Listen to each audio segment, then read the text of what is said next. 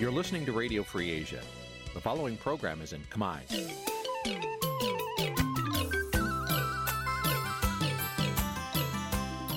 Nǐ chi càm bi tiệp xáy vệt chiu a zì sê នេះជាកម្មវិធីផ្សាយរបស់ Vithu Azisari ជាភាសាខ្មែរ វិទ្យុអាស៊ីសេរីសូមស្វាគមន៍លោកអ្នកនាងទាំងអស់ពីរដ្ឋធានី Washington នៃសហរដ្ឋអាមេរិក ចាប់ពីរដ្ឋធានី Washington នាងខ្ញុំម៉ៅសុធានីសូមជម្រាបសួរលោកអ្នកស្ដាប់ទាំងអស់ជាទីមេត្រី ចាយើងខ្ញុំសូមជូនការផ្សាយសម្រាប់ព្រឹកថ្ងៃសុក្រ6កើតខែអាសត់ឆ្នាំថោះបัญចស័កពុទ្ធសករាជ2567ហើយដល់ត្រូវនៅថ្ងៃទី20ខែតុលាគ្រិស្តសករាជ2023ជាដំបូងនេះសូមអញ្ជើញលោកអ្នកនាងកញ្ញាស្ដាប់ព័ត៌មានប្រចាំថ្ងៃដែលមានមេត្តាដូចតទៅ លោកហ៊ុនម៉ាណែតចុះហត្ថលេខាលើឯកសារចំនួន10ជាមួយមេដឹកនាំចិត្ត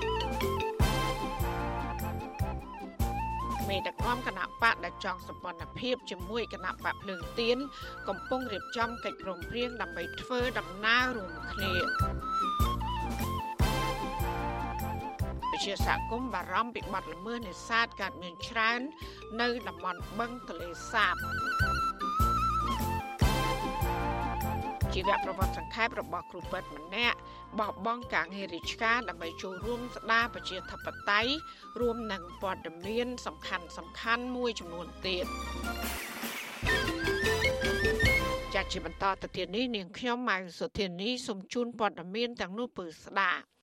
ចាលោកនានីជាទីមេត្រីលោកនាយករដ្ឋមន្ត្រីហ៊ុនម៉ាណែតបានចុះហត្ថលេខាលើឯកសារសហប្រតិបត្តិការចំនួន10ជាមួយនាយករដ្ឋមន្ត្រីចិនលោកលីឆាំងដើម្បីជំរុញកិច្ចសហប្រតិបត្តិការរវាងប្រទេសទាំងពីរការចុះហត្ថលេខានេះរួមមានការពង្រឹងសមត្ថភាពផលិត ការវិនិយោគនិងអភិវឌ្ឍបៃតង ការអភិវឌ្ឍខ្សែបញ្ជូនអគ្គិសនីជនបទ គម្រោងជួសជុលប្រាសាទប្រាវិហារគម្រោងជួសជុលផ្លូវជនបទការអភិវឌ្ឍរថភ្លើង ការសាងសង់សួនឧស្សាហកម្មជាដើមលោកហ៊ុនម៉ាណែតបានចុះហត្ថលេខាលើឯកសារទាំងនោះនៅក្នុងឱកាសដែលលោកចូលរួមវេទិកាខ្សែក្រវ៉ាត់និងផ្លូវនៅទីក្រុងប៉េកាំងចាប់ពីថ្ងៃទី16ដល់ថ្ងៃទី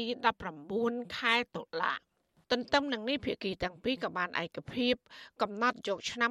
2024ជាឆ្នាំនៃការផ្លាស់ប្តូរប្រជាជននិងប្រជាជន ក្នុងទិសដៅលើកកម្ពស់ទេសចរនិងការតភ្ជាប់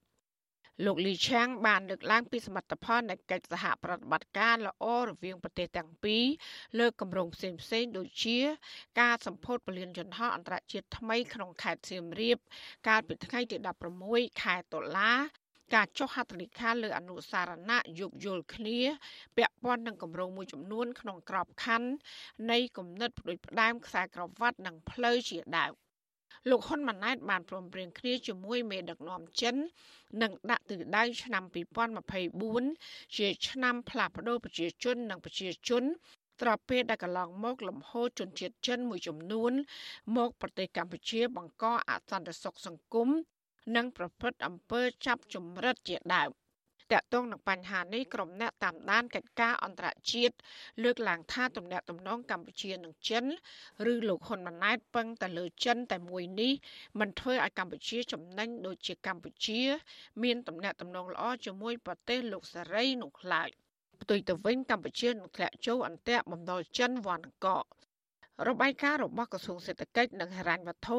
បង្ហាញថាមកដល់ពេលនេះកម្ពុជាជំពាក់បំណុលបរទេសសរុបជាង10,000លានដុល្លារអាមេរិកក្នុងនោះគឺបំណុលចិនជាង40%ចាលោក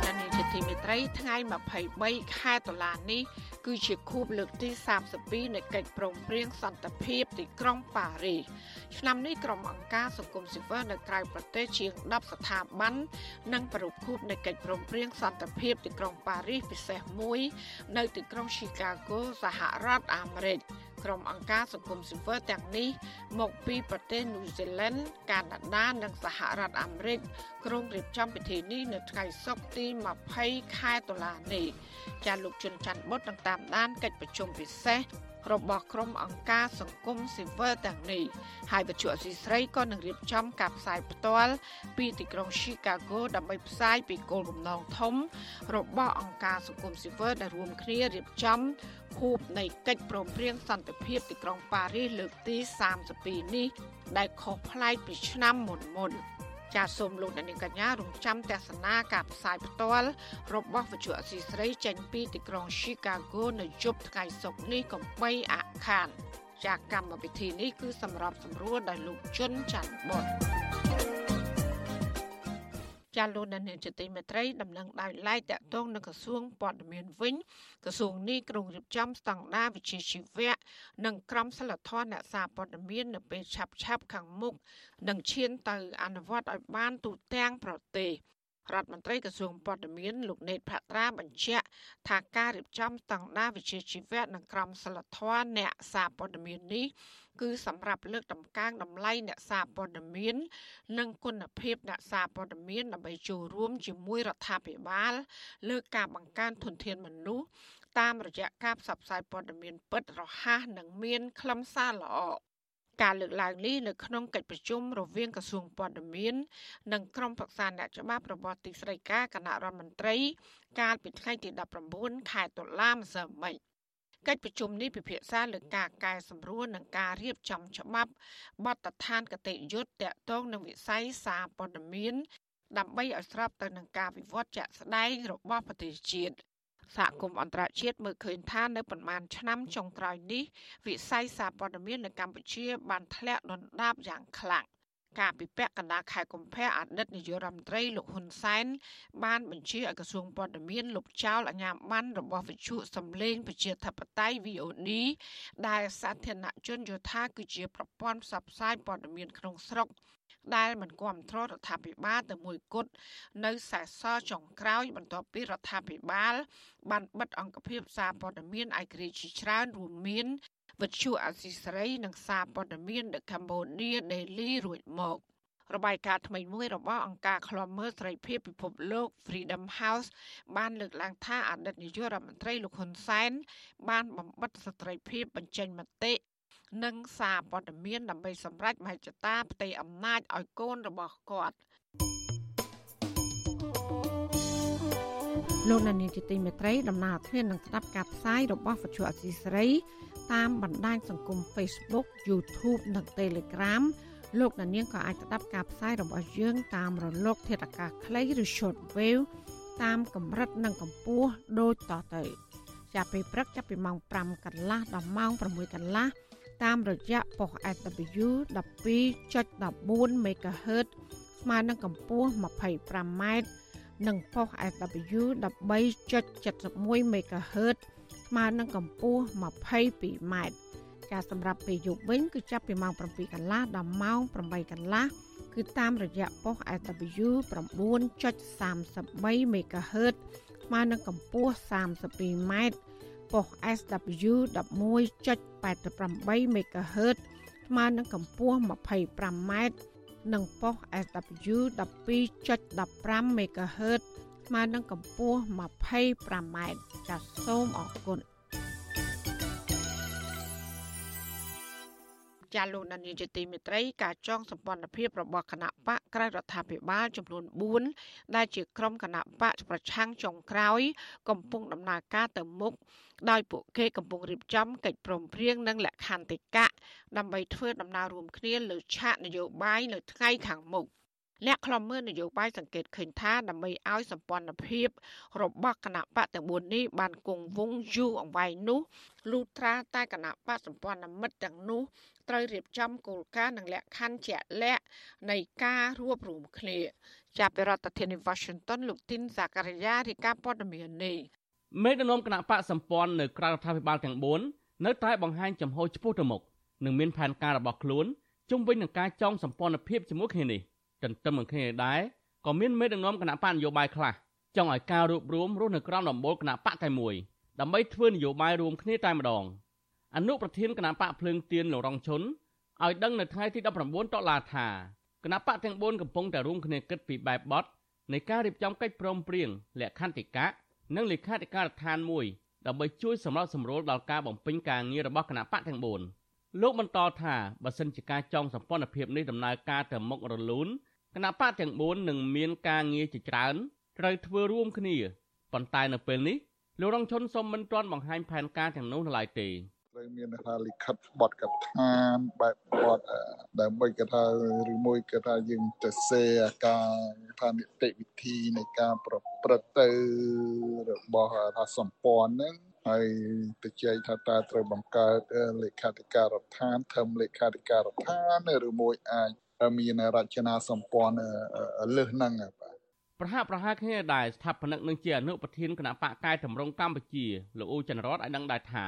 គណៈបកកែតម្រង់កម្ពុជាមានឆន្ទៈចង់ឲ្យគណៈបកទាំង4រួមរស់ក្រោមដំបូលគណៈបកតែមួយលោកសង្កេតឃើញថាបទពិសោធន៍នយោបាយកន្លងមក ការរួមគ្នាច្រកក្រោមដំបូលតែមួយទើបទទួលបានការគាំទ្រពីប្រជាពលរដ្ឋច្រើន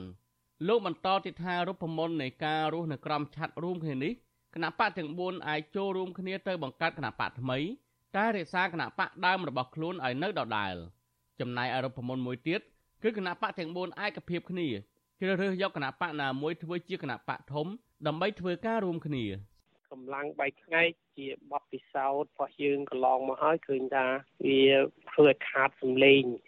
ពលរដ្ឋឬម្ចាស់ឆ្នោតដែលគ្រប់គ្រងនឹង ហាក់ដូចជាបែកខ្ញែកទៅវាខាតអាសនៈនៅក្នុងក្រមប្រឹក្សាក្តីនៅក្នុងសភាក្តីណាហើយបើនៅបែកគ្នាឆន្ទៈរបស់ប្រជាពលរដ្ឋក៏ហាក់ដូចជាមិនមានសង្ឃឹមក្នុងការចូលរួមការបោះឆ្នោតនឹងដែរកាលពីថ្ងៃទី11ដុល្លារគណៈបកភ្លឹងទៀនដែលជាគណៈបកប្រឆាំងចុងក្រោយគេនៅកម្ពុជាបានប្រកាសជាផ្លូវការអំពីការចងសម្ព័ន្ធភាពជាមួយគណៈបកឆន្ទៈខ្មែរគណៈបកប្រជាធិបតេយ្យមូលដ្ឋាននិងគណៈបកកែតម្រង់កម្ពុជា គណៈបកទាំងនេះភាគច្រើនកើតចេញពីអតីតគណៈបកសង្គ្រោះជាតិលើកលែងតែគណៈបកប្រជាធិបតេយ្យមូលដ្ឋានមួយទេដែលកើតចេញពីអតីតអ្នកធ្វើការងារការពារសិទ្ធិមនុស្សនិងអ្នកធ្វើការងារសង្គមតើតើនៅរឿងនេះវិទ្យុអសិរ័យមិនអាចតតងប្រធានគណៈបកប្រជាធិបតេយ្យមូលដ្ឋានលោកយេងវិរៈដើម្បីសំសួរអំពីបញ្ហានេះបន្ថែមបានទេនៅថ្ងៃទី19តុលានេះចំណែកឯគណៈបកឆន្ទៈខ្មែរលោកផលស៊ីថុនប្រាប់ថាគណៈបករបស់លោក មានបំណងរួមគ្នាកម្លាំងជាមួយអ្នកប្រជាធិបតេយ្យលោកបន្តទៀតថាចំពោះគម្រោងនៃការរួមគ្នាបែបណានោះគឺត្រូវរងចាំការជជែកគ្នារវាងគណៈបកទាំង4នៅពេលខាងមុខសិន។ កម្លាំងអ្នកជាធិបតេយ្យត្រូវតែរួបរวมគ្នាក្នុងកលៈទេសៈបច្ចុប្បន្ននេះទី1ទី2យើងហើយទៀងករគណៈបកដែលមាននិន្នាការជាធិបតេយ្យដើម្បីចូលរួមការបោះឆ្នោតនៅឆ្នាំ2027និង2028នេះជាគោលដៅចម្បងរបស់សម្ព័ន្ធភាពឆ្ពោះទៅអនាគតតកតងនៅរឿងនេះដែរអ្នកសិក្សាផ្នែកច្បាប់លោកវ៉ុនចាន់ឡូតយល់ឃើញថាសម្ព័ន្ធភាពរបស់គណៈបកទាំង4នេះជាចំណុចវិជ្ជមានមួយដែលអាចធ្វើឲ្យគណៈបកនៅក្រៅរដ្ឋាភិបាល ទទួលបានការគាំទ្រច្រើនពីម្ចាស់ឆ្នោតទោះជាយ៉ាងណាលោកវ៉ាន់ចិនលូតយល់ឃើញថាដើម្បីឲ្យសម្ព័ន្ធនោះនៅគង់វង្សបានយូរអង្វែងលុះត្រាតែគណៈបកទាំងនេះលះបង់ផលប្រយោជន៍បុគ្គលនិងរៀបចំគោលការណ៍និងលក្ខន្តិកៈជាលក្ខនៃការរួមគ្នានេះព័ន្ធភាពនេះក៏វាអាចងាយនឹងរងនៅការបែកបាក់គ្នាវិញដែរប្រសិនបើគណៈបកទាំង4គាត់មិនលះ បង់ចោលនៅនយោបាយបែបអត្តបទបុគ្គលមានន័យថាគាត់ជាលក្ខណៈបុគ្គលនិយមយកបុគ្គលជាធំយកយកក្រុមយកបពពួកជាធំអាហ្នឹងសម្ព័ន្ធភាពវាអាចគង់វង្សយូរអង្វែងទេអ្នកខ្លោមើលពីបញ្ហានយោបាយលើកឡើងថាសម្ព័ន្ធភាពរបស់គណៈបកទាំង4នេះគឺជួយបំពេញគ្នាទៅវិញទៅមកក្នុងពេលដែលគណៈបកភ្លឹងទៀនដែលមានបរិវត្តបោះឆ្នោតជូនជិត2លាននាក់ក្នុងការបោះឆ្នោតឃុំសង្កាត់ឆ្នាំ2022 រីឯការបោះឆ្នោតជាតិឆ្នាំ2023គណៈបកនេះមិនអាចចូលរួមការបោះឆ្នោតបាន ហើយនៅពេលខាងមុខគណៈបកភ្លើងទៀននៅតែប្រឈមមិនអាចចូលរួមការបោះឆ្នោតបានដដែលប្រសិនបើលិខិតចុះបញ្ជីច្បាប់ដើមក្រសួងមហាផ្ទៃនៅតែបដិសេធមិនប្រគល់ជូននោះរីឯគណៈបកនយោបាយ3ផ្សេងទៀតដែលកោជបមិនធ្វើទុកបុកម្នេញទេនោះគណៈបកទាំង3នេះអាចចូលរួមការបោះឆ្នោតបានប៉ុន្តែមិនសូវមានការគ្រប់គ្រងពីបរិបម្ចាស់ឆ្នោតនោះឡើយ។ ខ្ញុំបាទទីនសាការីយ៉ាអស៊ីសេរីប្រធានីវ៉ាស៊ីនតោនចាលោកដានៀងកញ្ញាកំពុងស្ដាប់ការផ្សាយរបស់វិទ្យុអស៊ីសេរីផ្សាយចេញពីរដ្ឋធានី Washington គ្រូពេទ្យម្នាក់នៅខេត្តបៃលិនសុកចិត្តបបងសេចក្តីសុខផ្ទាល់ខ្លួននិងការងាររាជការដើម្បីចូលរួមទាមទារយុត្តិធម៌សង្គមនិងទាមទារអរដ្ឋាភិបាលងាកមកដើរតាមកន្លងប្រជាធិបតេយ្យឡើងវិញ ចាមន្ត្រីសង្គមស៊ីវិលលើកឡើងថាមន្ត្រីរាជការធ្វើបែបនេះគឺជាការលះបង់ដ៏ល្អមួយដែលកម្ររកបាននៅក្នុងសង្គមចាសេចក្តីរាយការណ៍ពីស្ដាមពីរឿងនេះលោកណានៀងនឹងបានស្ដាប់នាពេលបន្តិចទៀតនេះ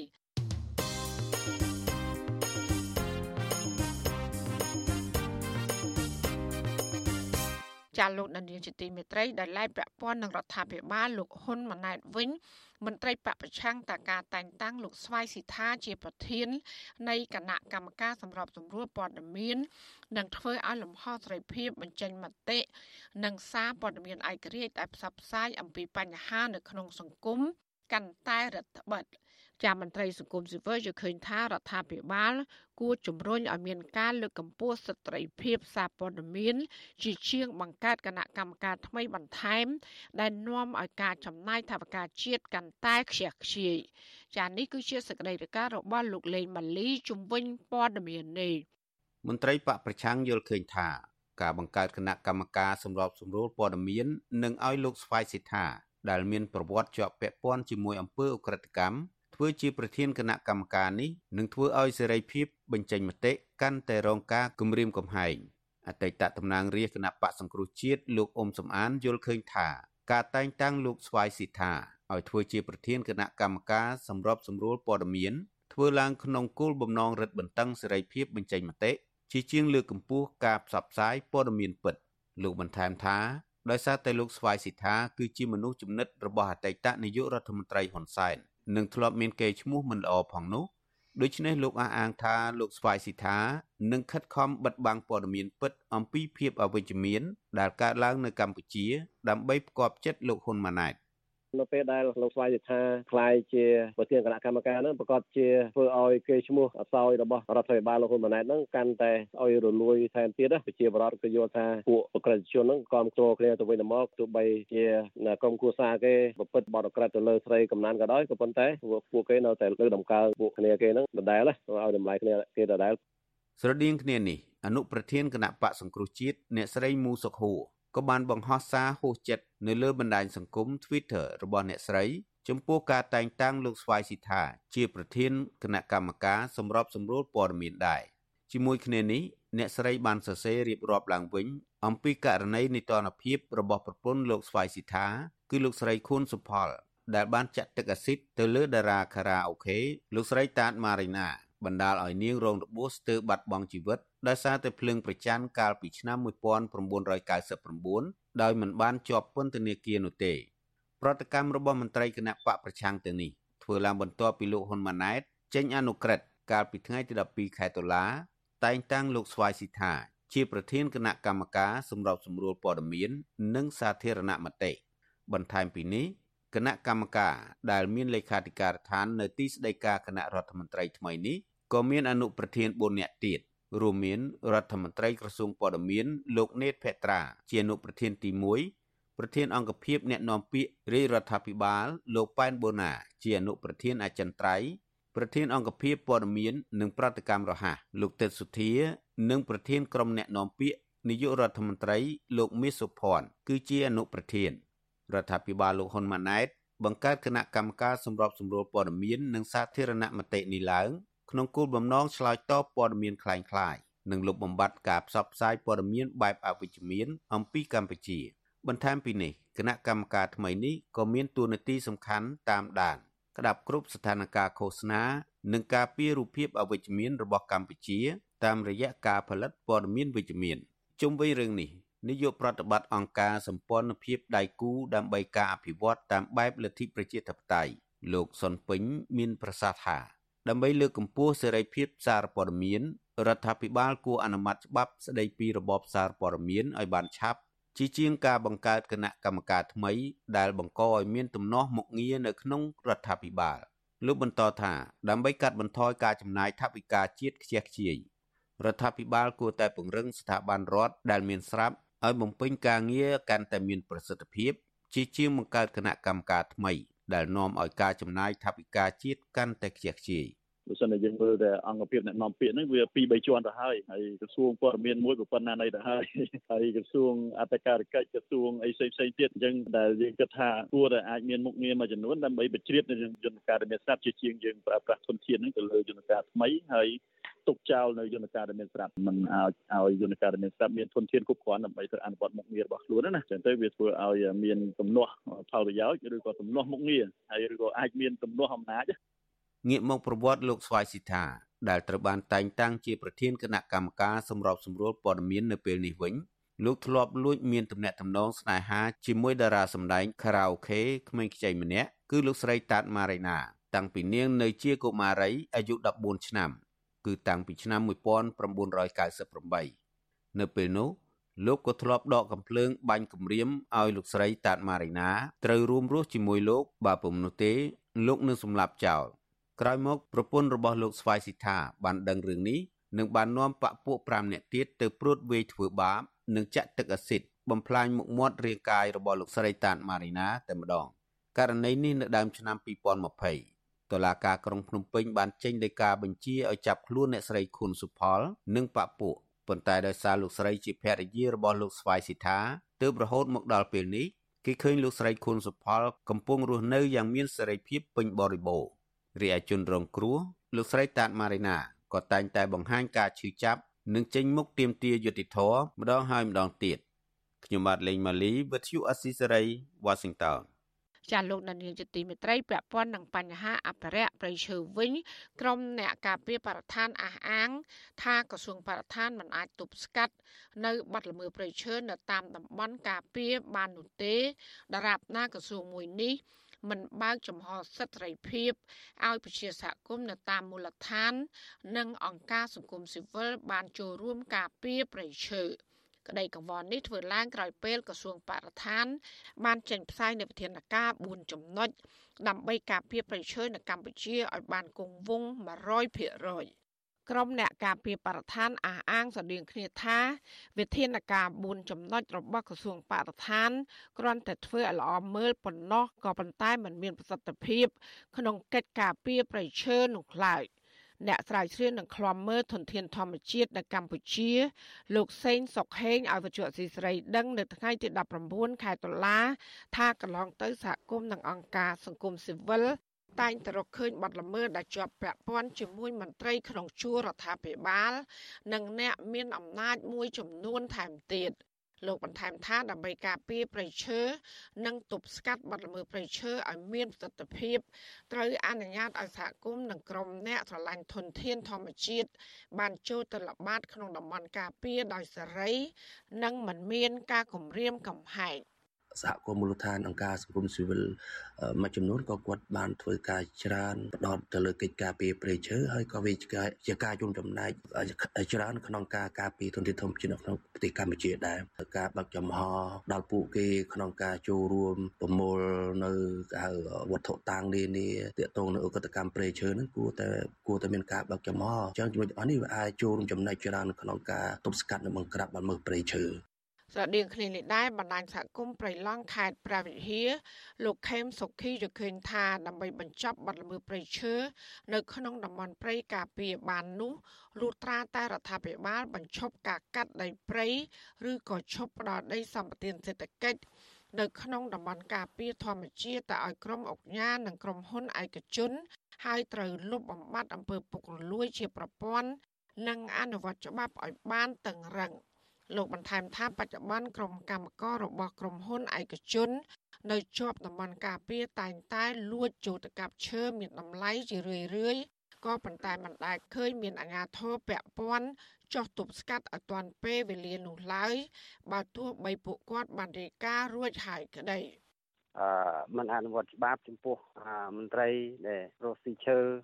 ទី1ទី2បើសិនជាយើងចង់មានចំណាត់ការទាំង4ចំណុចហ្នឹងលុះណាតែយើងហ្នឹងបិទអារោងចក្រអាចឈើនៅជំវិញព្រៃឡង់ឬក៏ដូចជារោងចក្រអាចឈើទូទាំងប្រទេសអាចបិទនៅការនាំចេញឈើទៅក្រៅប្រទេសហ្នឹងប្រហែលជាអាចការពារបានហើយនៅព្រៃឈើរបស់ខ្មែរយើងមិនបាច់មានចំណាត់ការឯណាធំដុំទេហ្នឹងគឺការពារបាននៅស្រួយ កាលពីថ្ងៃទី17ខែតុលាក្រសួងបរិស្ថាន បានផ្សព្វផ្សាយលើបណ្ដាញសង្គមដោយដាក់ចេញវិធានការចំនួន4ដើម្បីទប់ស្កាត់ទាំងការពារធនធានធម្មជាតិឲ្យបាន100%ទី1ត្រូវអនុវត្តច្បាប់និងមិនលើកលែងឲ្យជនល្មើសទី2សហការជាមួយមន្ត្រីពាក់ព័ន្ធពីថ្នាក់ខេត្តរហូតដល់មូលដ្ឋាននិងអ្នកមានភារកិច្ចគ្រប់គ្រងធនធានធម្មជាតិ ទី3គឺសហការជាមួយកងរាជអាវុធហត្ថលើផ្ទៃប្រទេស និងអង្គភាពប្រឆាំងអំពើពុករលួយ បន្ថែមលើកិច្ចសហការជាមួយអាជ្ញាធរមូលដ្ឋាន ចំណែកឯទី4វិញគឺជំរុញការដាំដុះគម្របព្រៃឈើឡើងវិញឲ្យបាន60%នៅឆ្នាំ2050ជុំវិញរឿងនេះវិទ្យុអសីត្រីមិនអាចតាក់ទងแนะនាំពាក្យក្រសួងបរិស្ថាន លោកផៃប៊ុនឈឿនដើម្បីអត្ថាធិប្បាយបន្ថែមបានទេ នៅថ្ងៃទី19ខែតុលានេះដោយសារទូរស័ព្ទហៅចូលតែគ្មានអ្នកទទួល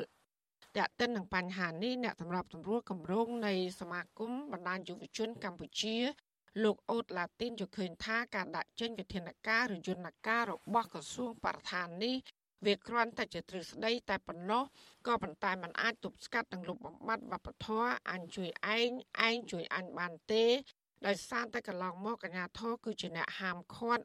ក្រុមអ្នកការពារប្រៃឈើតែមិនបានហាមឃាត់អ្នកកាប់ឈើនោះឡើយលោកបន្ថែមថាការលើកឡើងទាំងនោះមិនមែនជាលើកទី1នោះទេ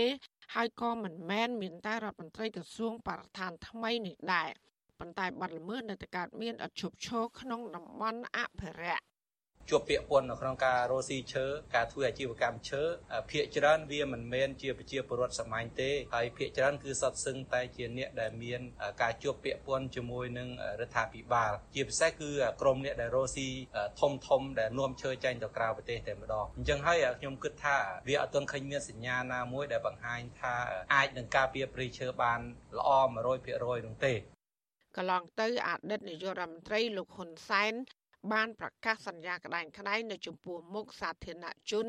ជំវិញការទប់ស្កាត់បាត់ល្មើសព្រៃឈើឲ្យបានគង់វង្ស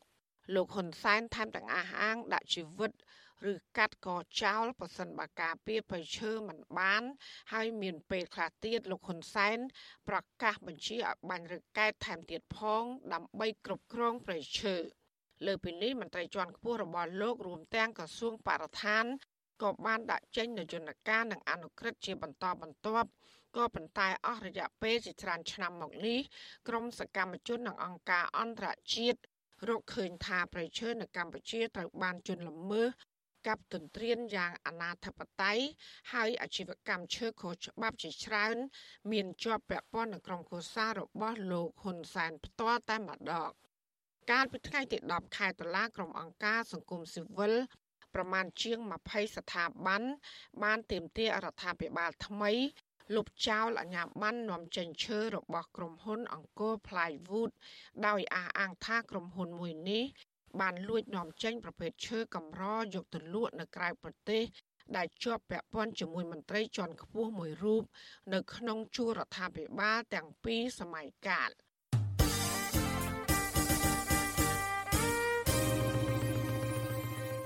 ចាលោកដានីលជាទីមេត្រីអន្តៈចាប់សត្វព្រៃនៅតែជាឧបសគ្គចម្បង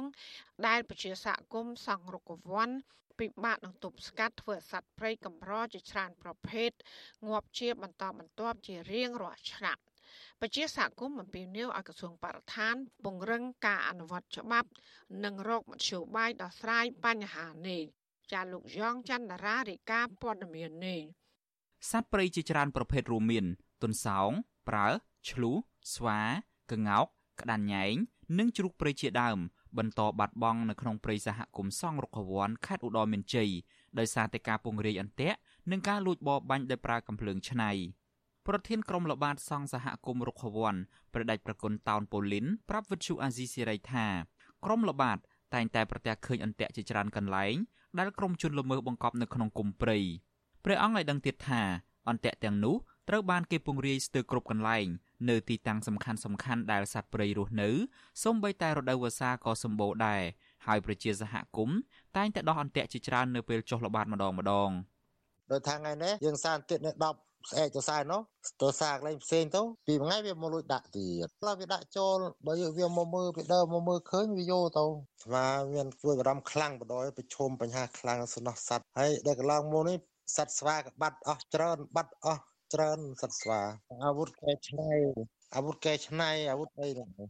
កាលពីថ្ងៃទី13ខែតុលាកន្លងទៅប្រជាសហគមន៍បានប្រទះឃើញសត្វឆ្លុះមួយក្បាលងាប់និងសត្វកង្កោបមួយក្បាលរបួសធ្ងន់ដោយសារជាប់អន្ទាក់នៅក្នុងព្រៃសហគមន៍សង់រុក្ខវ័នប្រជាសហគមន៍បារម្ភថាកន្លងទៅព្រៃអភិរក្សនេះសម្បូរសត្វស្វារស់នៅ និងលោតលេងតាមដើមឈើធំធំក៏ប៉ុន្តែបច្ចុប្បន្នវងស្វាជាច្រើនបានបាត់បង់ ព្រៃសហគមន៍សង់រុក្ខវ័នមានផ្ទៃដីជាង30000ហិកតាស្ថិតនៅក្នុងស្រុកអន្លង់វែងស្រុកចុងកាល់និងក្រុងសំរោងនៃខេត្តឧត្តរមានជ័យព្រៃសហគមន៍មួយនេះមានបឹងធម្មជាតិដ៏ស្រស់ស្អាតមួយដែលមានទំហំ6000ហិកតាសម្បូរត្រីជីវៈចម្រុះហើយព្រៃការពារមួយនេះមានសត្វព្រៃកម្រជាច្រើនប្រភេទរស់នៅ ដូចជាសត្វខ្ទីងទុនសោងស្វាប្រើខ្លារខិនត្រដក់ធំពងរូលខ្លាឃ្មុំតូច ឆ្កែព្រៃតូចនិងសត្វក្ងោកជាដើមឆ្លើយតបទៅនឹងរឿងនេះប្រធានមន្ទីរបរិស្ថានខេត្តឧត្តរមានជ័យលោកភួងលីណាប្រាប់វិទ្យុអាស៊ីសេរីថាមន្ត្រីជំនាញកំពុងប្រឹងប្រែងទប់ស្កាត់បទល្មើសចាប់សត្វព្រៃតាមរយៈការចុះល្បាត នៅក្នុងព្រៃដោយសហការជាមួយនឹងប្រជាសហគមន៍លោកបញ្ជាក់ទៀតថាកន្លងទៅមន្ត្រីជំនាញបានចាប់ខ្លួនជនល្មើសនិងដកហូតវត្ថុតាងមួយចំនួនបញ្ជូនសំណុំរឿងទៅតុលាការជាច្រើនករណី លើពីនេះទៅទៀតលោកថាមន្ត្រីជំនាញតែងតែផ្សព្វផ្សាយពីសារៈប្រយោជន៍នៃសត្វព្រៃនិងព្រៃឈើប្រាប់ទៅប្រជាពលរដ្ឋនៅតំបន់នោះឲ្យមានការយល់ដឹងពីតម្លៃនៃធនធានធម្មជាតិ។ ព្រឹកនេះផ្ទាល់មន្ត្រីរបស់ខ្ញុំក៏បានចាប់ឃាត់នៅជនសង្ស័យមួយរូបផងដែរពាក់ព័ន្ធជាមួយនឹងទាំងនេះប៉ុន្តែដោយសារតែយើងអត់មានវត្ថុតាងច្បាស់លាស់ទើបយើងអនុវត្តត្រឹមកម្រិតអប់រំមានការធានាពីអាជ្ញាធរដែនដីឲ្យគាត់ត្រឡប់ទៅវិញជុំវិញរឿងនេះមន្ត្រីសម្របសម្រួលគម្រោងនៃសមាគមបណ្ដាញយុវជនកម្ពុជា លោកអូតឡាទីនយល់ឃើញថាមន្ត្រីជំនាញគួរតែស៊ើបអង្កេតរកប្រភពដើមលើអ្នកជួញដូរសាច់សត្វព្រៃនិងអ្នកដាក់អន្ទាក់ យកមកផ្ដន់ទោសទៅតាមច្បាប់ជៀសវាងប្រព្រឹត្តអំពើពុករលួយលោកថាប្រសិនបើអាជ្ញាធរមិនអនុវត្តច្បាប់ទេនោះជនខិលខូចនឹងមិនរៀងចោលនោះឡើយតាកតងជាមួយនឹងការចោះទៅល្បាតអីហ្នឹងគឺជួបអន្ទាក់ជាហោហែអត់ដាច់ទេស្ទើរតែគ្រប់ជើងតែម្ដង យើងបានត្រឹមតែចោះសានទាកហើយឃើញទាកយើងដោះចាញ់អញ្ចឹងទៅដល់ពេលយើងអត់មានការស៊ើបអង្កេតពីសំណាក់អាជ្ញាធរមានសមត្ថកិច្ចដើម្បីរោអ្នកដែលប្រព្រឹត្តនឹងយកមកដាក់ទោសទណ្ឌតាមផ្លូវច្បាប់ដើម្បីមានភាពរឹងចាលវាធ្វើឲ្យក្រុមជនល្មើសនឹងគឺគាត់អត់មានការខ្លាចរអាទេគាត់នៅតែចូលលួចទៅដាក់តែម្ដងប្រជាសហគមន៍សង់រុក្ខវ័នឲ្យដឹងថានៅក្នុងរយៈពេលជាង1ឆ្នាំកន្លងទៅនេះគិតចាប់តាំងពីឆ្នាំ2022ប្រជាសហគមន៍ដោះអន្ទាក់បានជាង550អន្ទាក់ ក្នុងនោះមានសត្វទន្សោង8ក្បាលជ្រូកព្រៃ10ក្បាលប្រើ5ក្បាលឆ្លុះ7ក្បាលក្ងោក1ក្តាន់ញ៉ៃ1និងសត្វស្វាជាច្រើនទៀតបានងាប់និងរបួសដោយសារតែអន្ទាក់នេះប្រជាសហគមន៍ចាត់ទុកអន្ទាក់ទាំងនេះគ្រាន់តែជាបំណែកតូចមួយប៉ុណ្ណោះនៃចំនួនអន្ទាក់ដែលជនល្មើសបានលួចដាក់ពង្រាយនៅក្នុងព្រៃអភិរក្សមួយនេះខ្ញុំយ៉ងច័ន្ទដារាវិទ្យុអាស៊ីសេរី Washington អាស៊ីសេរី ចាលោកនាងជាទីមេត្រីនៅខេត្តកំពង់ឆ្នាំងឯនោះវិញប្រជាពលរដ្ឋចំនួន3ភូមិនៅស្រុកកំពង់ត្រឡាចបារម្ភថាដីបឹងធម្មជាតិជិត50ហិកតាដែលបរដ្ឋអាស្រ័យផលជាយូរណាស់មកហើយនេះនឹងធ្លាក់ដល់ដៃក្រុមហ៊ុនឯកជននាពេលអនាគតចាសសេចក្តីរាយការណ៍ពិស្ដារពីរឿងនេះលោកណានៀងនឹងបានស្ដាប់នាពេលបន្តិចទៀតនេះ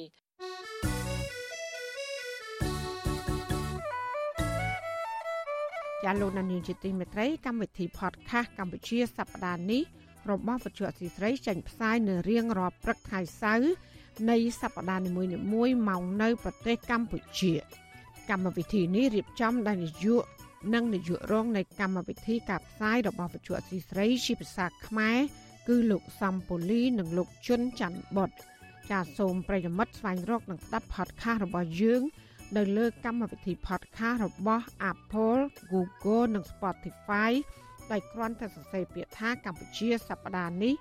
ឬ Cambodia this week នៅក្នុងប្រអប់ស្វែងរក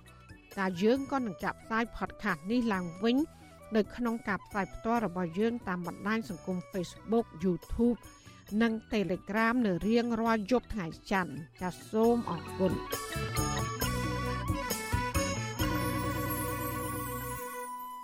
ចាលោកអនាងជាទីមេត្រីបាត់ល្មើសនេសាទនៅតំបន់បឹងទលេសាបខេត្តបាត់ដំបងនិងខេត្តសៀមរាបនៅតែកើតមានច្រើននៅរដូវបិទនេសាទដោយគ្មានវិធានការអនុវត្តច្បាប់ឲ្យបានច្បាស់លាស់ពជាសហគមន៍បារម្ភពីការផុតពូជត្រីជាច្រើនប្រភេទនៅក្នុងតំបន់បឹងទលេសាប ដែលប៉ះពាល់ជីវភាពរស់នៅរបស់ពលរដ្ឋចាលោកតារារាជសែនរាយការណ៍ព័ត៌មាននេះ ប្រជាសហគមន៍នេសាទរស់នៅខេត្តបាត់ដំបងនិងខេត្តសៀមរាបបន្តអំពាវនាវឲ្យរដ្ឋាភិបាលពិនិត្យឡើងវិញពីប្រសិទ្ធភាពការងាររបស់មន្ត្រីរដ្ឋបាលជលផល និងអាជ្ញាធរខេត្តក្នុងតំបន់បឹងទន្លេសាប ដែលបណ្ដាលបណ្ដោយឲ្យកើតមានបទល្មើសនេសាទក្នុងដែនសមត្ថកិច្ចរបស់ខ្លួនដដែលដដែលគឺនឹងបទបញ្ជារបស់រដ្ឋាភិបាលការលើកឡើងនេះក្រោយពីការមានសកម្មភាពនេសាទខុសច្បាប់រួមមានអួនក្រឡាញឹកលូស្បៃមុង ការដាក់សម្រាស់ការនេសាទលោបំរុងទុកក្នុងដែនអភិរក្សនិងការឆក់ត្រី នៅតែកើតមានក្នុងតំបន់បឹងទន្លេសាបដោយគ្មានការអនុវត្តច្បាប់ប្រជាសហគមន៍នេសាទរស់នៅឃុំកំពង់ភ្លុកខេត្តសៀមរាបលោកសានឡោះប្រាប់វិទ្យុអាស៊ីសេរីនៅថ្ងៃទី17តុលាថាបច្ចុប្បន្នសកម្មភាពនេសាទខុសច្បាប់បានកម្រើកឡើងវិញក្រោយពីស្ងប់ស្ងាត់មួយរយៈពេលខ្លីលោកថាក្រុមជនល្មើសប្រើឧបករណ៍នេសាទហាក់ប្រុងប្រយ័ត្នជាងមុន ក្នុងការពង្រាយស្បៃមុងនិងឧបករណ៍ឆក់ជាដើមធ្វើឲ្យត្រីមេពូជជាច្រើនប្រភេទប្រឈមហានិភ័យខ្ពស់ក្នុងពេលរកកន្លែងពងកូនក្នុងតំបន់ព្រៃលិចទឹកកន្លែងខ្លះអាចមានស្នុកទៅកន្លែងខ្លះថាអាចដាក់អាអ៊ុយឬក៏ឈឹបអាសាច់ញឹកញឹកដើម្បីយកអាកូនត្រីកូនតរៀលអុយល្អិតល្អិត ថាទឹកចិត្តរបស់ខ្ញុំខ្ញុំអត់ចង់ឲ្យមានទេថារឿងចោះចោះចង់និយាយថាសម្ដេចឲ្យយើងបានរីកចម្រើនទាំងអស់គ្នាថ្ងៃក្រោយប៉ុន្តែសម្រាប់តែគេអ្នករោគេគេនៅតែរោគេនៅតែធ្វើគេនៅតែប្រព្រឹត្តប្រធានសម្ព័ន្ធប្រជានេសាទកម្ពុជា លោកឡុងសូចែតសង្កេតឃើញថាបទល្មើសនេសាទកើតឡើងច្រើនជាងគេក្នុងតំបន់បឹងទន្លេសាប ក្នុងស្រុកសង្កែនិងស្រុកឯកភ្នំខេត្តបាត់ដំបងធ្វើឲ្យធនធានត្រីប្រឈមហានិភ័យលោកបន្ថែមថា ប្រភេទត្រីល្អិតៗរួមមាន ត្រីឆ្នុក ត្រីឆ្លាំងហាយត្រីកន្ទុយមាន់និងត្រីជាច្រើនប្រភេទទៀតលែងមានវត្តមានក្នុងបឹងទន្លេសាបជាយូរមកហើយបើបើទុកការនេសាទខុសច្បាប់បានមានប្រសិទ្ធភាពទៅអត្រេះក៏មានមកអ្នកនេសាទចេះរកបានព្រោះហើយប៉ុន្តែបើវាទុកស្ងាត់បានដឹកដល់ទេអាបាត់មើលច្រើនដល់ពេលអញ្ចឹងទៅដល់ខែ ស្រកអីទៅវាអត់មានសូមមានត្រីធ្វើអាជីវភាពអ្នកនេសាទនឹងក៏ជួបការលំបាកវិទ្យុអាស៊ីសេរីមិនទាន់អាចតាក់ទងសុំការបំភ្លឺរឿងនេះពីអភិបាលខេត្តបាត់ដំបងលោកសុកលូនិងអភិបាលខេត្តសៀមរាបលោកប្រាក់សុភ័ណ្ឌបាននៅឡើយទេ នៅថ្ងៃទី17តុលាដោយទូរស័ព្ទចូល តែគ្មានអ្នកលើកចំណែកអ្នកនាំពាក្យក្រសួងកសិកម្មកញ្ញាអឹមរចនាក៏មិនទាន់អាចតាក់ទងបានដែរនៅថ្ងៃដដែលនេះថ្មីថ្មីនេះអ្នកកសែតក្នុងស្រុក និងមន្ត្រីរដ្ឋបាលជលផលខេត្តបាត់ដំបងបានរកឃើញបទល្មើសនេសាទប្រភេទស្បៃមុងនិងអួនរាប់រយម៉ែត្រស្ថិតក្នុងបឹងទន្លេសាប ក្នុងស្រុកសង្កែដែលជនល្មើសដាក់ពង្រាយចាប់កូនត្រីល្អិតៗពួកគេបានថតវីដេអូបង្ហោះតាមបណ្ដាញសង្គមបារម្ភពីការផុតពូជត្រីតូចៗដោយសារបទល្មើសនេសាទបន្តកើតមានច្រើនគិតយ៉ាងម៉េចលោកលោកអាចបង្ក្រាប Bluetooth បានអត់នេះនៅក្នុងឃុំតប៉ុនស្រុកសង្កែខេត្តបាត់ដំបងនេះ Bluetooth រាប់រយ Bluetooth អត់មានអ្នកណាចុះមកបង្ក្រាបសោះតាំងពីចៅត្រីចូល Bluetooth មិនមកចាំច្រើនម៉ែទេតា100ម៉ែទេខ្ទេចទីហែនហើយអស់បាត់កូនត្រីនោះមួយទៀតនោះជុំវិញរឿងនេះនាយកប្រតិបត្តិអង្គការបណ្ដាញការពារទន្លេ3លោកលៀងប៊ុនលៀបពន្យល់ថាការនេសាទខុសច្បាប់ចំរដូវបិទនេសាទកំពុងគំរាមកំហែងដល់ត្រីមេពូជបង្កកំណើតក្នុងតំបន់ព្រៃលិចទឹកលោកថាការឈូសឆាយព្រៃលិចទឹកនិងការអនុវត្តច្បាប់ធូររលុង គឺជាដើមចមធ្វើឲ្យធនធានជលផលធ្លាក់ចុះដើម្បីស្ដាររឿងនឹងឡើងវិញគឺទី1គឺយើងត្រូវតែទប់ទល់ឲ្យបាននៅការនេសាទខុសច្បាប់ទាំងអស់នោះដោយប្រើច្បាប់ជលផលស្ដីពីជលផលហ្នឹងជាកំហិតណាក៏ដោយក៏ត្រូវតែចូលរួមអនុវត្តដោយច្បាប់មួយហ្នឹងមិនឲ្យមានការអ្នកដែលមានអំណាចអ្នកដែលមានប្រកាសអ្នកដែលមានអធិបុលអីចឹងទៅគាត់នេសាទបានតាមចិត្តចឹងទៅក៏មានបពពួកមានក្រុមមានឧបករណ៍ល្អចឹងទៅ កន្លងទៅលោកនាយករដ្ឋមន្ត្រីហ៊ុនសែនបានប្រមានដកតំណែងអភិបាលខេត្តនៅជុំវិញបឹងទន្លេសាបប្រសិនបើបង្ក្រាបបទល្មើសនេសាទបរាជ័យលោកហ៊ុនសែនបានស្ដីបន្ទោសអភិបាលខេត្តនៅជុំវិញបឹងទន្លេសាបថាមិនត្រូវមើលស្រាលក្នុងការបង្ក្រាបបទល្មើសនេសាទនោះទេប៉ុន្តែប្រជាសហគមន៍នេសាទសង្កេតឃើញថាការប្រមានរបស់លោកនាយករដ្ឋមន្ត្រីហ៊ុនសែនគ្រាន់តែល្អមើលគឺគ្មានប្រសិទ្ធភាពការពារធនធានជាតិឲ្យគង់វង្សនោះទេខ្ញុំ ដារ៉ារិជសាន with you Azizray ទីក្រុង Adelaide ចាលោកអនិច្ចទីមេត្រីអង្គជំនុំជម្រះវិសាមញ្ញក្នុងតឡាការកម្ពុជា ឬតឡាការខ្មែរក្រហមនិងស្ថាប័នផ្សព្វផ្សាយអប់រំកម្ពុជា បានចុះអនុសារណៈនៃការយោគយល់គ្នា លើកកិច្ចប្រតិបត្តិការដើម្បីផលិត និងផ្សព្វផ្សាយមេតិការអប់រំ Digital ប្រធានរដ្ឋបាលស្ដីទីនៃតុលាការខ្មែរក្រហមលោកក្រាញ់តូនីលើកឡើងក្នុងសេចក្តីប្រកាសព័ត៌មានកាលពីថ្ងៃទី19ខែតុលាម្សិលមិញថាគោលបំណងសំខាន់នៃអនុសារណៈនៃការយោគយល់គ្នានេះគឺដើម្បីអប់រំសាធារណជនអំពីការជំនុំជម្រះក្តី ការផ្សព្វផ្សាយអំពីសមិទ្ធផល ការងារនិងកេរដំណែលរបស់តុលាការខ្មែរក្រហម លោកបន្តថាមេត្តាវីដេអូដែលសហការផលិត ជាមួយស្ថាប័នផ្សព្វផ្សាយអប់រំកម្ពុជានេះនឹងប្រើប្រាស់ជាឧបករណ៍អប់រំនិងផ្សព្វផ្សាយដែលខ្លឹមសាររបស់វីដេអូគឺដកស្រង់ចេញពីឯកសារកំណត់ត្រានិងបានសារតាក់ទងនឹងការជំនុំជម្រះក្តីនិងការស៊ើបអង្កេតក្តី ក្នុងរយៈពេល16ឆ្នាំកន្លងមកនេះ។ា លោកដានីជាទីមេត្រីក្នុងឱកាសនេះដែរនាងខ្ញុំសូមថ្លែងអំណរគុណដល់លោកដានីកញ្ញាទាំងអស់ដែលតែងតែមានភក្ដីភាពចំពោះការផ្សាយរបស់យើងហើយចាត់ទុកការស្ដាប់វិទ្យុអសីសេរីគឺជាផ្នែកមួយនៃសកម្មភាពប្រចាំថ្ងៃរបស់លោកអ្នកការគ្រប់គ្រងរបស់លោកដានីងនេះហើយដែលធ្វើយើងខ្ញុំមានទឹកចិត្តកាន់តែខ្លាំងថែមទៀតក្នុងការស្វែងរកនិងផ្តល់ព័ត៌មានជូនដល់លោកដានីង ចាំមានអ្នកស្ដាប់អ្នកទេសនាកាន់តែច្រើនកាន់តែធ្វើយើងខ្ញុំមានភាពស្វាហាប់មោះមុតជាបន្តទៀតចាយើងខ្ញុំសូមអរគុណទុកជាមុនហើយក៏សូមអញ្ជើញលោកដានៀងកញ្ញាចូលរួមជំរុញឲ្យសកម្មភាពផ្ដល់ព័ត៌មានរបស់យើងនេះកាន់តែជោគជ័យបន្ថែមទៀតលោកដានៀងអាចជួយយើងខ្ញុំបានដោយគ្រាន់តែចុចចែករំលែកឬ share ការផ្សាយរបស់យើងនេះ នៅលើបណ្ដាញសង្គម Facebook និង YouTube ទៅកាន់មិត្តភ័ក្តិដើម្បីឲ្យការផ្សាយរបស់យើងនេះបានទៅដល់មនុស្សកាន់តែច្រើនចាសសូមអរគុណចាលោកនានីជាទីមេត្រីគ្រូពេទ្យម្នាក់នៅខេត្តបៃលិនសុកចិត្តលះបង់សេចក្តីសុខផ្ទាល់ខ្លួន និងការងាររាជការដើម្បីចូលរួមទាមទារយុត្តិធម៌សង្គមនិងទាមទារអរដ្ឋាភិបាលងាកមកដើរតាមកន្លងប្រជាធិបតេយ្យឡើងវិញ មន្ត្រីសង្គមស៊ីវិលលើកឡើងថាមន្ត្រីរាជការធ្វើបែបនេះគឺជាការលះបង់ដ៏ល្អមួយដែលកម្ររកបាននៅក្នុងសង្គម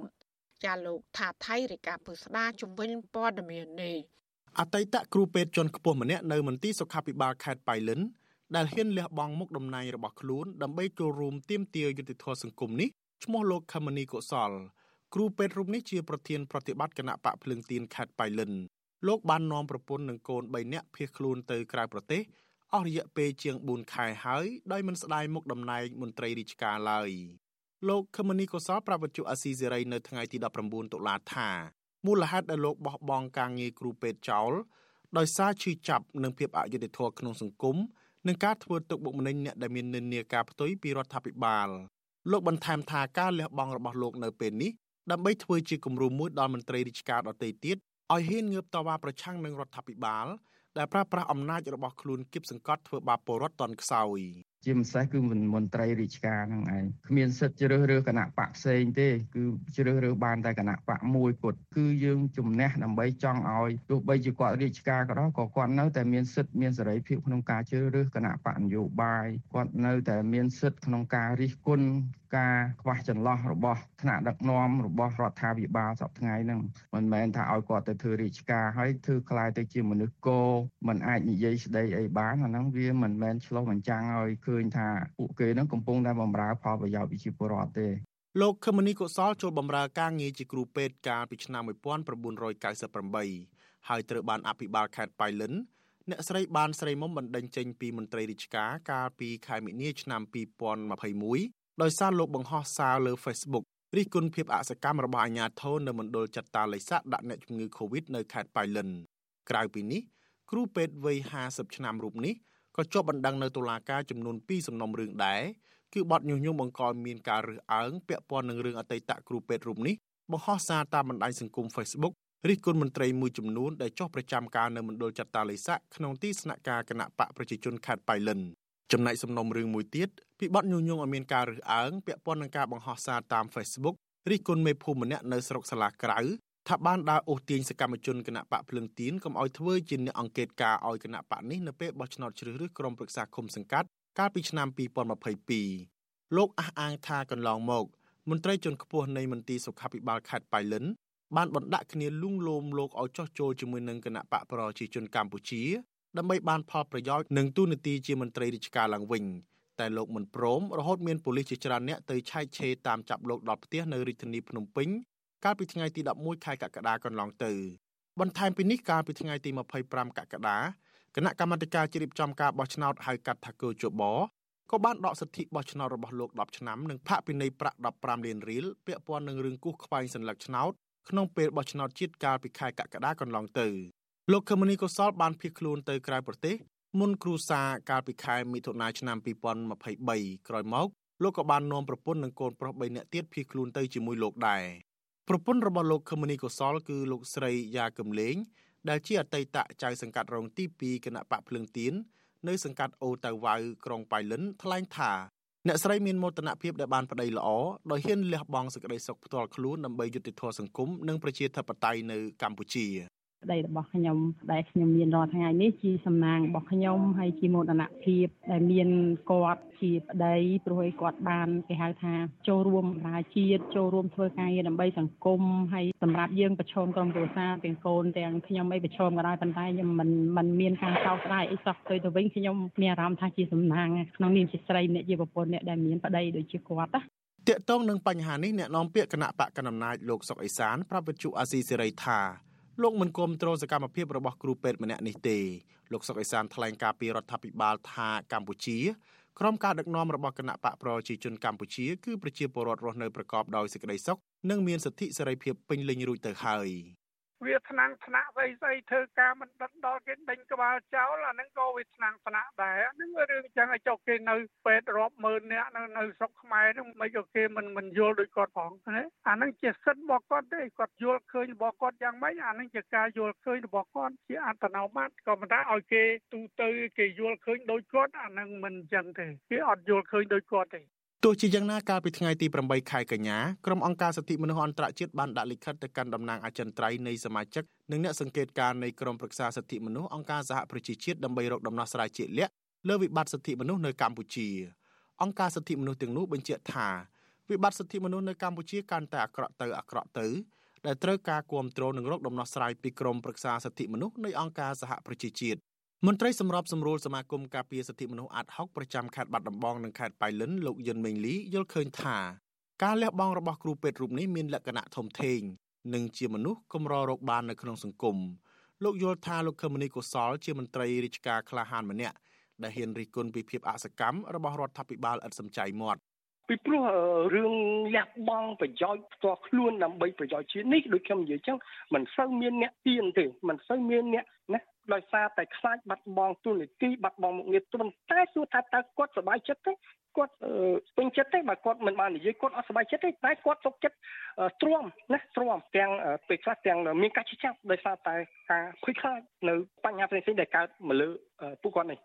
លោកខមនីកុសលនិងក្រុមគ្រួសារត្រូវបានឧត្តមស្នងការអង្គការសហប្រជាជាតិទទួលបន្ទុកជនភៀសខ្លួនប្រចាំប្រទេសថៃទទួលស្គាល់ជាជនភៀសខ្លួនកាលពីថ្ងៃទី30កក្កដាឆ្នាំ2023 គ្រូពេទ្យរូបនេះប្រកាន់ជំហរថានឹងបន្តចូលរួមជាមួយក្រុមអ្នកប្រជាធិបតេយ្យដទៃទៀតដើម្បីទាមទារយុត្តិធម៌សង្គមនិងទាមទារឲ្យរដ្ឋាភិបាលងាកមកដើរតាមគន្លងប្រជាធិបតេយ្យឡើងវិញដោយមិនរាថយឡើយខ្ញុំថាថៃពីទីក្រុងមែលប៊ន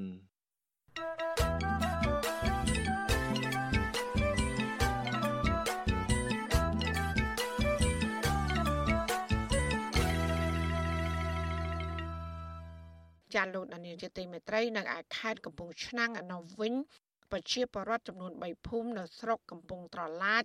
បារម្ភថាដីបឹងធម្មជាតិចំនួន750ហិកតាដែលពួកគាត់អាស្រ័យផលអស់ជាយូរយារណាស់មកហើយនឹងធ្លាក់ដល់ដៃក្រុមហ៊ុនឯកជននៅពេលអនាគត ខណៈដែលបឹងមួយនេះអាជ្ញាធរពាក់ព័ន្ធហាក់មិនអើពើអភិរក្សហើយបណ្តែតបណ្តោយឲ្យមានសកម្មភាពបូមខ្សាច់និងការកាប់ទន្ទ្រានយកដីបឹងជាបន្តបន្ទាប់ចា៎នេះគឺជាសកម្មភាពពុស្ដាមួយទៀតរបស់លោកលេងម៉ាលីជុំវិញព័ត៌មាននេះដូចតទៅបឹងពោជាបឹងធម្មជាតិដ៏សំខាន់របស់ប្រជាកសិករនៅក្នុងឃុំតាជេដែលពលរដ្ឋអាស្រ័យផលយកទឹកធ្វើស្រូវប្រាំង នេសាទត្រី និងប្រមូលផលផ្សេងផ្សេងដូចជាបេះប្រលិត និងច្រូតស្មៅដើម្បីចិញ្ចឹមគោក្របីជាដើមបឹងនេះមានទំហំជិត50ហិកតា ហើយផ្ដល់ផលប្រយោជន៍ដល់ពលរដ្ឋជិត300គ្រួសារនៅភូមិចំនួន3គឺភូមិឡពីងភូមិសូវង និងភូមិសំរោងស្រុកកំពង់ត្រឡាចខេត្តកំពង់ឆ្នាំងទោះជាយ៉ាងនេះក្តីប្រជាពលរដ្ឋឲ្យដឹងថា រយៈពេលជាង5ឆ្នាំចុងក្រោយនេះបឹងពូកាន់តែរាក់ ហើយខ្វះទឹកប្រើប្រាស់នៅរដូវប្រាំងស្ទើរតែរាល់ឆ្នាំចំណែកខែវស្សាពុំសូវសម្បូរត្រីដូចមុននោះទេពលរដ្ឋបានស្នើដល់អាជ្ញាធរពាក់ព័ន្ធឲ្យស្ដារបឹងនេះជាច្រើនលើកប៉ុន្តែអាជ្ញាធរពុំអើពើនោះឡើយហើយបែរជាហាមឃាត់ពលរដ្ឋកុំឲ្យអភិរក្សបឹងនោះទៅវិញតំណាងពលរដ្ឋម្នាក់លោកភេងរុំរស់នៅភូមិឡពីងឃុំតាចេស្រុកកំពង់ត្រឡាចប្រាប់វិទ្យុអស៊ីសេរីថា បឹងពូគឺជាកន្លែងស្តុកទឹក និងជាប្រព័ន្ធធារាសាស្ត្រដ៏ធំរបស់ពលរដ្ឋលោកបន្តថាជារៀងរាល់ឆ្នាំ នៅរដូវប្រាំងពលរដ្ឋបានប្រើប្រាស់ទឹកដើម្បីស្រោចដំណាំ និងធ្វើស្រូវប្រាំងក្នុងទំហំដីជាង200ហិកតា លោកបន្តថាពលរដ្ឋធ្លាប់ទទូចដល់អាជ្ញាធរឲ្យស្ដារបឹងនេះកាលពីឆ្នាំ2016និងឆ្នាំ2022ម្ដងជាពីរដងហើយ តែអាញាធរពុំអើពើដោះស្រាយបែរជាឲ្យគ្រឿងចាក់កាយដីនិងបូមរ៉ែខ្សាច់លក់តាមអំពើចិត្តកាលពីរដូវប្រាំងលោកអះអាងថាការបូមខ្សាច់នេះអាញាធរពុំបានជូនដំណឹងដល់ពលរដ្ឋឲ្យដឹងជាមុនទេលោកមើលឃើញថាករណីនេះទំនងជាអាញាធរចង់លួចលក់ដីបឹងឲ្យទៅក្រុមហ៊ុនឯកជន ហើយព្យាយាមលាក់បាំងព័ត៌មានលោកថាអាញាធរឲ្យក្រុមហ៊ុនកាយដីបឹងធ្វើឲ្យប៉ះពាល់ដល់ដែនជំរកពូជត្រី ចំណែកប្រព័ន្ធទប់ស្កាត់ទឹកក៏ពុំមាន លោកអះអាងទៀតថាអាញាធរធ្វើដូច្នេះដើម្បីជាលេសថា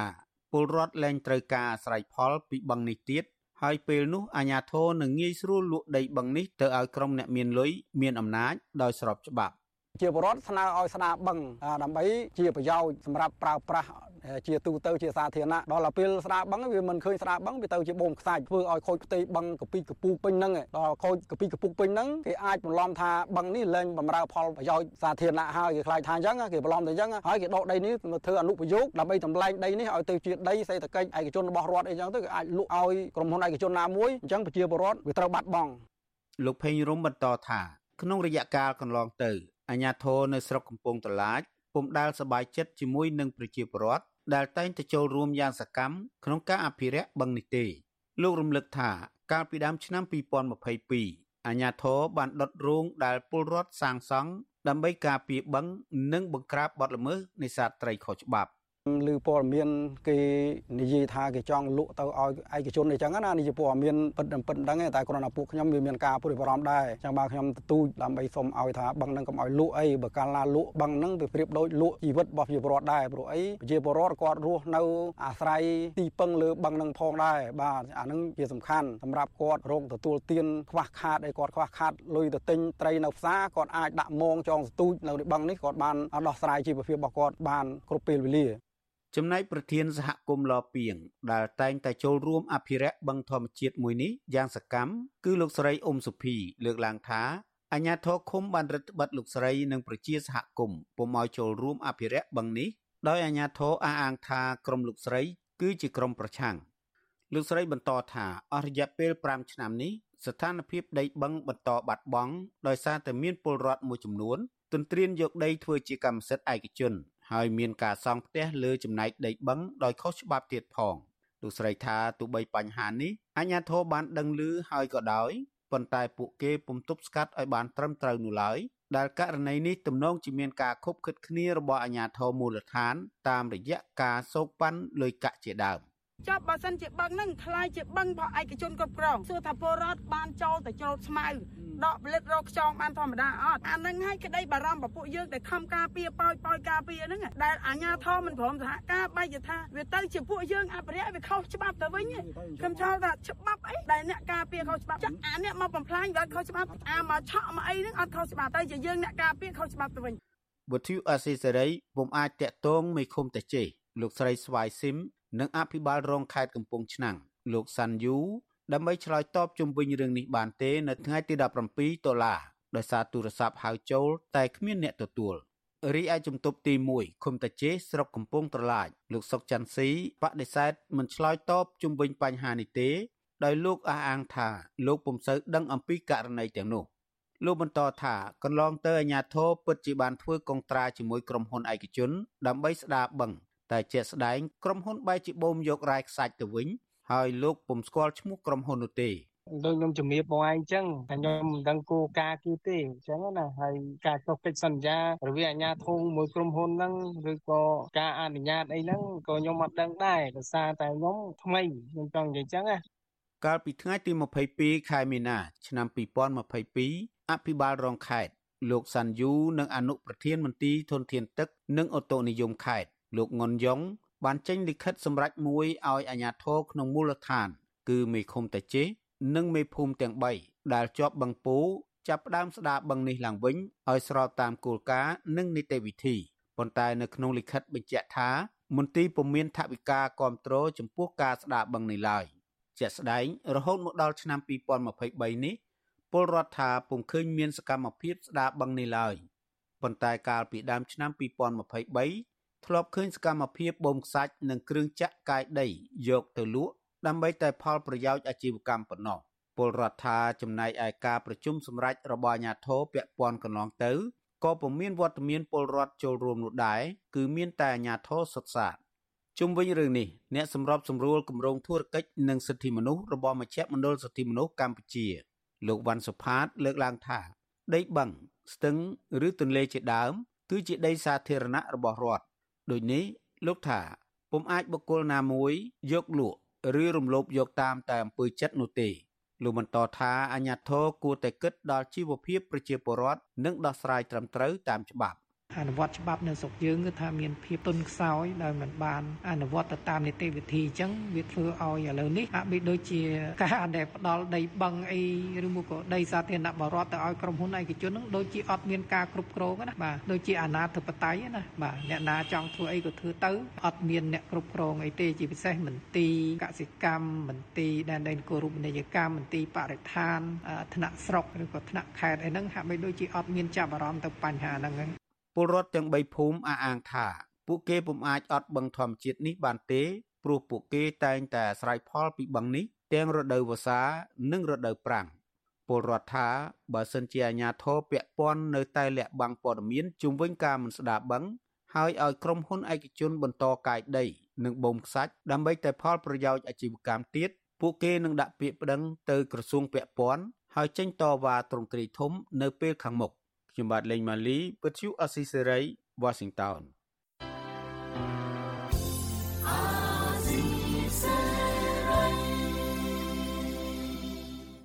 ចាលោកលានកញ្ញាអ្នកស្ដាប់ជាទីមេត្រីការផ្សាយរយៈពេល1ម៉ោងរបស់វិទ្យុអាស៊ីសេរីជាភាសាខ្មែរនៅពេលនេះចាប់តែប៉ុណ្ណេះចាយើងខ្ញុំទាំងអស់គ្នាសូមជូនពរលោកនាង និងក្រុមគ្រួសារទាំងអស់ សូមជួបប្រកបតែនឹងសេចក្តីសុខសេចក្តីចម្រើន ជានិរន្តរ៍ចាននាងខ្ញុំម៉ៃសុធានីព្រមទាំងក្រុមការងារទាំងអស់របស់អសីស្រីសូមអរគុណនិងសូមជម្រាបលា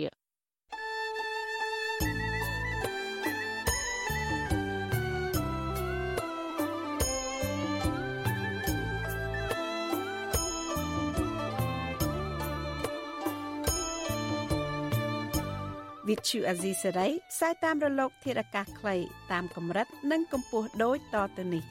ពេលព្រឹកចាប់ពីម៉ោង5កន្លះដល់ម៉ោង6កន្លះតាមរយៈប៉ុស SW 12.14 MHz ស្មើនឹងកម្ពស់ 25m និងប៉ុស SW 13.71 MHz ស្មើនឹងកម្ពស់ 22m ពេលយប់ចាប់ពីម៉ោង7កន្លះដល់ម៉ោង8កន្លះតាមរយៈប៉ុស SW 9.33 MHz ស្មើនឹងកម្ពស់ 32m ប៉ុស SW 11.88 MHz ស្មើនឹងកម្ពស់ 25m និងប៉ុស SW 12.15 MHz ស្មើនឹងកម្ពស់ 25m លោកអ្នកនាងក៏អាចស្ដាប់និងទស្សនាការផ្សាយផ្ទាល់នៅលើគេហទំព័ររបស់ Vuthu Azizi Saray តាមរយៈអាស័យដ្ឋាន rfa.org/ ខ្មែរក្រៅពីនេះលោកអ្នកនាងក៏អាចអាននិងទស្សនាព័ត៌មាន Vuthu Azizi Saray លើទូរស័ព្ទដៃរបស់លោកអ្នកផ្ទាល់ សូមលោកអ្នកនាងដំឡើងកម្មវិធី Vuthu Azizi Saray នៅលើទូរស័ព្ទដៃរបស់លោកអ្នកនាងឬស្វែងរក Vuthu Azizi Saray នៅលើ YouTube ឬ Facebook ដោយស្វែងរកពាក្យថា Vuthu Azizi Saray ឬ RFA ខ្មែរ